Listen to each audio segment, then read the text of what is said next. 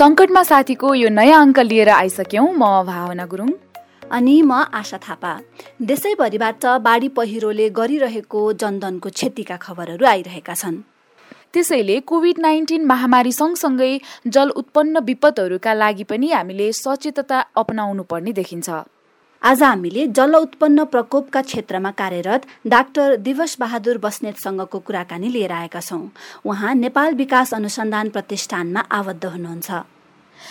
Doctor बस्नेतलाई हामीले बर्खायाम सुरु भए सँगसँगै के कस्ता जलोत्पन्न प्रकोपहरूका लागि तयार रहनुपर्छ भनेर सोधेका छौँ।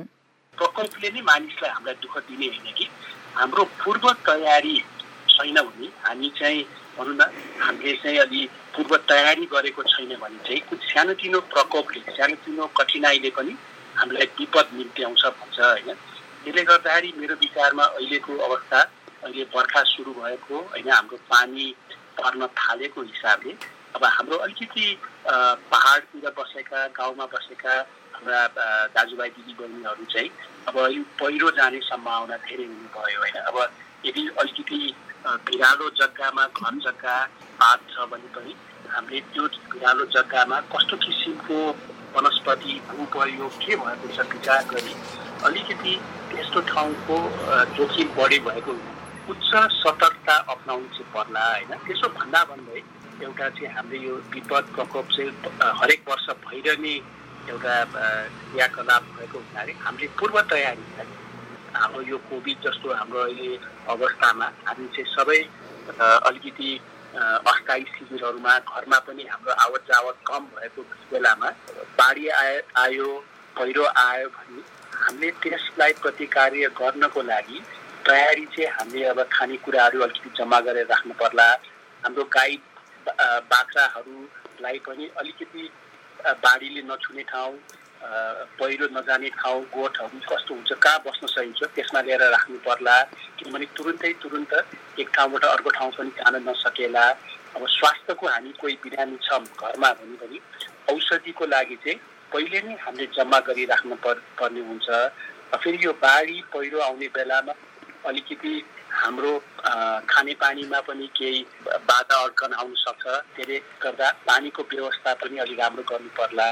त्यस्तै हामीले स्वास्थ्यको विचार गरिकन हाम्रो पानीमा प्रदूषण जल प्रदूषणहरूको पनि बाढीले फोहोर ऊहरू पनि आउने पहिरोले भत्काएर लग्ने भए हुनाले अलिकति जस्तै हामीले विशेष सरल तरिकाकै तयारी पानी उमारेर खाने आफ्नो स्वास्थ्यको हेरचाह गर्ने र अलिकति जोखिम कम भएको ठाउँमा पहाडको कुरा गर्नुभयो होइन? त्यतातिर पहिरो जाँदाखेरि के कुरामा ध्यान दिनुपर्छ अथवा पूर्व तयारी के गर्नुपर्छ भनेर तराईका मानिसहरूले चाहिँ के कस्तो कुरामा सतर्कता अपनाउनु पर्ला त? हजुर अब तराईमा चाहिँ पहिरो भन्दा पनि अब नदीबाट नदीको पानी चाहिँ नदीलाई नागेर आफ्नो जग्गा जमिन घरमा आउने हुने भयो एउटा तरिका। अर्को चाहिँ अहिले तराईमा देखेको हामीले यसो हेर्दाखेरि के देखिन्छ भने हाम्रो पानी धेरै पर्यो होइन? अब दुई तिन घन्टामा अब अहिले जलवायु परिवर्तन भन्ने पनि भइरहेछ। क्लाइमेट चेन्ज भन्छ जब अङ्ग्रेजीमा। त्यसले गर्दाखेरि हाम्रो के हुन्थ्यो भने हरेक वर्ष चाहिँ पानीको पर्ने मात्रा पनि घटबड भएको होला होइन? तर त्योभन्दा बढी चाहिँ जुन एक दिनमा पर्ने पानी थियो त्यसको मात्रै बढ्यो कि। छ घन्टामा पहिला केही मात्रामा पानी पर्थ्यो भने अहिले त्योभन्दा बढी पानी पर्न थाल्यो। त्यसले गर्दा के भयो भने हामीले अहिले तराईको समतल भूभागमा हाम्रो सडकहरू पनि बन्न थाल्यो होइन? हामीले घरहरू बनाउन थाल्यौँ अनि घर बनाएपछि हामीले घरमा पनि अब जुन पहिले जस्तो पानी आकाशबाट पानी परेपछि जमिनको सोच्ने क्षमता हुन्थ्यो नि। पहिला चाहिँ खेतपातहरू धेरै थियो खेत थियो खुला ठाउँहरू थियो। त्यसले गर्दा पानी पानी चाहिँ जमिनले सोचेर जान्थ्यो। तर अब चाहिँ के पर्यो भने हाम्रो बस्ती पनि बढ्यो अनि यो पानीको सोच्ने जमिन चाहिँ हामीले थाक्यौँ होइन? घर बनायौँ सडक बनायौँ अरू गरेर पानी चाहिँ के भयो भने हाम्रो घरमै सिधा आयो। जमिनभित्र जाने पानी चाहिँ अब सिधै घरमा आयो र फेरि सडकले रोक्यो। त्यसले गर्दा हामी जुन ढलहरू हाम्रो ब्लक भयो त्यसले गर्दाखेरि पानी त्यसरी जुन पहिले पानी नजम्ने ठाउँहरूमा पनि पानी जम्न थाल्यो र अघि मैले भने जस्तै त्यसको लागि पूर्व तयारी हामीले गर्नु पर्यो होइन हाम्रो अब हाम्रा आफ्नो अब कति कति ठाउँमा एकदम जोखिम भएको ठाउँहरू छ भने हाम्रो बसाइ नै अलिकति सर्नुपर्ने हो कि? अब त्यस्तै स्वास्थ्यको लागि अघि मैले पाहाडमा जस्तै तराईमा पनि स्वास्थ्यको अब स्वास्थ्य चौकी टाढा हुनसक्छ आफ्नो औषधिको राम्रो व्यवस्था गर्ने। अझ तराईको समतल जमिनहरूमा जुन स्वास्थ्यको पानी प्रदूषण हुने पनि धेरै जोखिमहरू पर्छ त्यसले गर्दाखेरि हाम्रो पनि पानीको ह्यान्ड पम्पहरूलाई पनि अलिकति अलिक उचाइमा राख्ने विभिन्न पूर्व तयारी चाहिँ गर्नुपर्छ जस्तो लाग्छ। र कति कति हामीले जुन मैले नै यो म नेपाल विकास अनुसन्धान प्रतिष्ठानसँग पनि म आबद्ध छु। हामीले केही वर्ष अगाडि पश्चिम राप्तीको एउटा समुदायमा हामीले बाढीको बारेमा तपाईँको समुदायको लेभलमा कस्तो किसिमको पूर्व तयारी गर्न सकिन्छ भनेर भन्दाखेरि उहाँहरूको आफ्नै मौलिक पूर्व तयारीहरू पनि छ। त्यसले गर्दाखेरि आफ्नो पहिलेदेखि गरिरहेको पूर्व तयारीहरूलाई पनि जस्तै मैले भने जस्तै स्वास्थ्यको हिसाबले अब खाना खाद्यान्नकै भण्डारण पनि गर्नुपर्ने हुन्छ। किन केही दिनसम्मको लागि खाद्य ढुवानीमै केही असर पर्न सक्छ होइन? मान्छेलाई भोक भोके त्यसमाथि बच्चाहरू अलिकति उमेर भएका मानिसहरूलाई अलिकति अलिकति परिवार सदस्यहरूलाई हामीले बढी सतर्कता अप्नाउनु पर्ने पनि हुनसक्छ। किनभने अहिले अब यसले गर्दाखेरि स्वास्थ्यको समस्या देखिने त्यस्तै अरू जिउ ज्यान धनको पनि नाश हुने अवस्था पनि देख्छ। कति ठाउँमा तराईमा चाहिँ अहिले फेरि आपद के पनि छ भने हाम्रो खेती योग्य जमिनमा पानी आएर फेरि हाम्रो बाढी आएपछि बालुवा पनि आइपुग्छ। हाम्रा दाजुभाइ दिदीबहिनीहरूको खेती योग्य जमिन नै मरुभूमि हुन गइसक्यो कति ठाउँहरूमा। किनभने त्यो यति धेरै बालुवा आयो कि त्यसमाथि पछि खेती गर्न पनि गाह्रो हुनुभयो अब यसको लागि चाहिँ सरकारको तर्फबाट स्थानीय सरकारको तर्फबाट समुदायको तर्फबाट सबैजना मिलेर पूर्व तयारी गर्नु चाहिँ जस्तो लाग्छ पर्छ जस्तो चाहिँ मलाई लाग्छ। अनि देशभरबाट बाढी पहिरोका कारण चाहिँ विस्थापित हुन थालिसकेका छन् मानिसहरू। अब अस्थायी शिविरमा उहाँहरू बस्दा चाहिँ यो बेलामा के कस्ता कुरामा सचेतता अप्नाउनु पर्ने देखिन्छ? सबैभन्दा पहिला त आफू बलियो भयो भने हामीलाई हामीले त्यो प्रकोपलाई पनि हामीले त्यस त्यसलाई कति कार्य गर्न सक्छौँ होइन। आफू बलियो हुनु पर्यो। बलियो हुनु पनि खानपिनमा पनि अलिकति ध्यान दिनु पर्यो होइन? अनि मैले अघि भने जस्तै अलिकति सानो बच्चाहरू र अलिक उमेर पुगेका परिवारको सदस्यहरूले अझ विशेष जोड दिनु पर्यो। र अनि त्यसपछि यो खानेपानी र आफ्नो स्वास्थ्यको हिसाबले खानेपानी हेल्थ एन्ड सेनिटेसन भन्छ नि होइन? त्यसको हिसाबले पनि हामीले आफ्नो खानेपानीको स्रोतहरूलाई पनि हामीले जोगाउनु पर्यो र हामीले मानिसले गर्ने फोहोर मैलाको पनि राम्रो व्यवस्थापन गर्नु पर्यो। किनभने त्यसले अझ ठुलो स्वास्थ्यको महामारी दिन सक्छ। अब त्यसमाथि अहिलेको जुन यो कोभिड उन्नाइसको महामारीले हामीलाई जसरी असर परेको छ अब यहाँले भन्नुभएको जस्तै अस्थायी शिविरहरूमा त्यो किसिमको व्यवस्था छ कि छैन होइन? त्यो हामीले विचार गर्नु पर्यो अब त्यसको लागि बस्नको लागि म त सबैभन्दा बढी चाहिँ खानपिनमा खानेपानीमा र आफ्नो स्वास्थ्यमा नै अलिक बढी ध्यान दिनुपर्छ जस्तो लाग्छ। अहिले सामाजिक दूरी कायम गर्नुपर्ने लगायतका अरू कुराहरू पनि छन्। यसमा चाहिँ कसरी हामी सतर्क रहन सक्छौँ? के के कुरामा ध्यान दिनु पर्ला पहिले पहिले कुनै पनि बाढी आउ के अरे विपद आउँदाखेरि बाढी आउँदाखेरि प्रकोप हुँदाखेरि हामी समुदाय सबैजना एक ठाउँमा झुमेर बसेर हामीले त्यसको प्रतिकार्य गर्थ्यौँ होइन? त्यसको गर्थ्यौँ अब अहिले चाहिँ हाम्रो दोहोरो विपद आइरहेछ।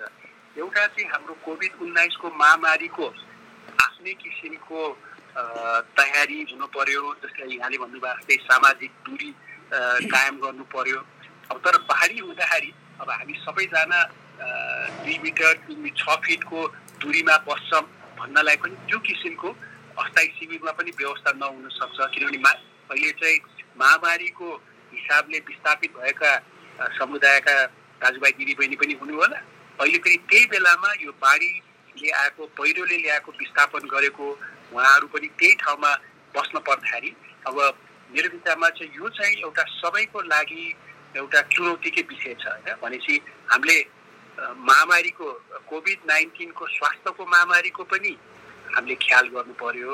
अब बाढी भनेको त हामीले के हुन्छ भने तपाईँको आफूले बसिरहेको ठाउँबाट हामी अर्को नयाँ ठाउँमा गएर बसिरहेको छौँ होइन। आफ्नो घरमा बस्न सकेनौँ हामी। सामाजिक दूरी आफ्नो घरमा बसेर हात धुने घरमा बसेर जिम गर्न सकिन्थ्यो। अब यो जसरी हामी विस्थापित भएर जुन ठाउँमा हामी बसिरहेछौँ त्यो किसिमको हामीसँग संरचनाहरू छ कि छैन? होइन त्यो हामीले विचार गरिकन सामाजिक दूरी जस्ता हात धुने जस्ता क्रियाकलापलाई पनि हामीले कायम गर्नु पर्यो। कुनै यत्रो विपद परेको बेलामा हाम्रो मनोविज्ञानमा पनि मेरो विचारमा सबैलाई असर पर्छ किनभने आफ्नो घर छोडेर तपाईँ जानु हुन्छ मेरो विचारमा त्यसको पनि धेरै महत्त्व छ। त्यही भएर यस्तो बेलामा जहिले पनि नयाँ साथीहरूको आफ्नो सहयोगी छिमेकीले मद्दत गर्ने त्यो जुन हाम्रो नेपाल नेपाली समाजमा पहिलेदेखि चलिआएको एउटा सामुदायिक किसिमको हाम्रो महत्त्व छ होइन एकअर्कालाई मद्दत गर्ने त्यसलाई पनि हामीले अलिकति जोड दिनुपर्छ जस्तो लाग्छ मलाई।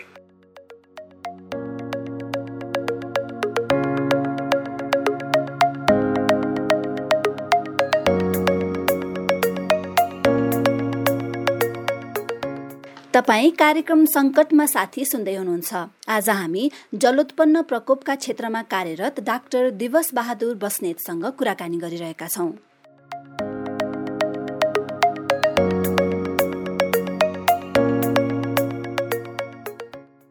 विपद प्रभावितलाई अस्थायी शिविरमा राख्ने र आवश्यक सर सहयोग गर्ने मुख्य जिम्मेवारी चाहिँ स्थानीय सरकारको हो होइन? स्थानीय सरकारको चाहिँ यो बेलामा चुनौती र अवसरहरू चाहिँ के के छन् होला जस्तो लाग्छ त तपाईँलाई? राज्य पुनर्व्यवस्थापन भयो हाम्रो केन्द्र सरकार प्रदेश सरकार स्थानीय सरकार होइन? हाम्रो जसरी भयो अहिले चाहिँ मैले त्यसको एकदम महत्त्व देख्छु।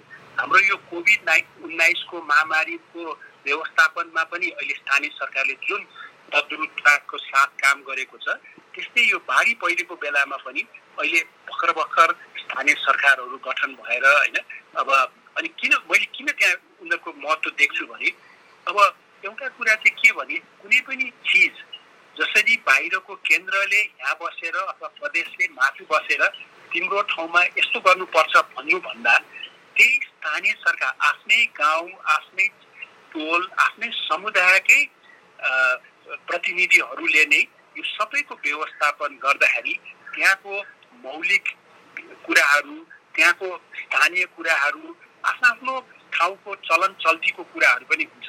त्यसले गर्दाखेरि मेरो विचारमा यो विपद व्यवस्थापनमा स्थानीय सरकारले सामुदायिक लेभलमा यसरी अनि एउटा भन्छ अब यो फेरि विपदबाट हामी अब व्यवस्थापन गरेपछि एउटा चाहिँ अब हाम्रो बाढी पहिरो चाहिँ एकचोटि आयो तपाईँ विस्थापित भएर अर्को ठाउँमा जानुभयो। अब महामारी चाहिँ एकदम लामो समय समय तपाईँ त्यो भइरहेछ अहिले त्यो विपद चाहिँ अहिले पनि भइरहेछ त्यसलाई चाहिँ त्यो चाहिँ चलिरहेको छ। अब यहाँ कुरा के पर्यो भने एकचोटि भएको अब विपद व्यवस्थापनको आफ्नो किसिमको उसलाई कसरी हामीले चाहिँ एउटा अङ्ग्रेजीमा भन्छ बिल्ड ब्याक बेटर पहिलेको भन्दा राम्रो अवस्थामा हामीले ल्याउनु पर्यो उहाँहरूलाई। किनभने भनौँ न त्यो विपद त उहाँहरूले अर्को पालि फेरि उहाँहरूलाई पुनस्थापन गर्न पर्यो आफ्नो घरमा नजिकैमा अर्को पुनस्थापन गर्दाखेरि पहिलेको भन्दा जोखिम कम हुने गरेर पहिलेको भन्दा व्यवस्थित ढङ्गले पहिलेको भन्दा पूर्व तयारी राम्रो गरेर नै त्यहाँ चाहिँ उहाँहरूको व्यवस्थापन गर्नु पर्यो त्यसको लागि चाहिँ मेरो विचारमा स्थानीय सरकारले अहिले तुरुन्तै गर्नुपर्ने राहत कार्य त छँदैछ त्यो चाहिँ अब स्थानीय सरकारले समुदायले गर्नु पर्यो तर उहाँहरूलाई त्यो राहतबाट अब उहाँहरूलाई कसरी पुनर्स्थापना गरेर पहिलेभन्दा राम्रो अवस्थामा ल्याउने भनेर पनि त्यो पनि सोच्नुपर्छ जस्तो लाग्छ। समुदायले पनि स्थानीय सरकारले पनि। दिवसी यहाँलाई यो समयको लागि धेरै धेरै धन्यवाद।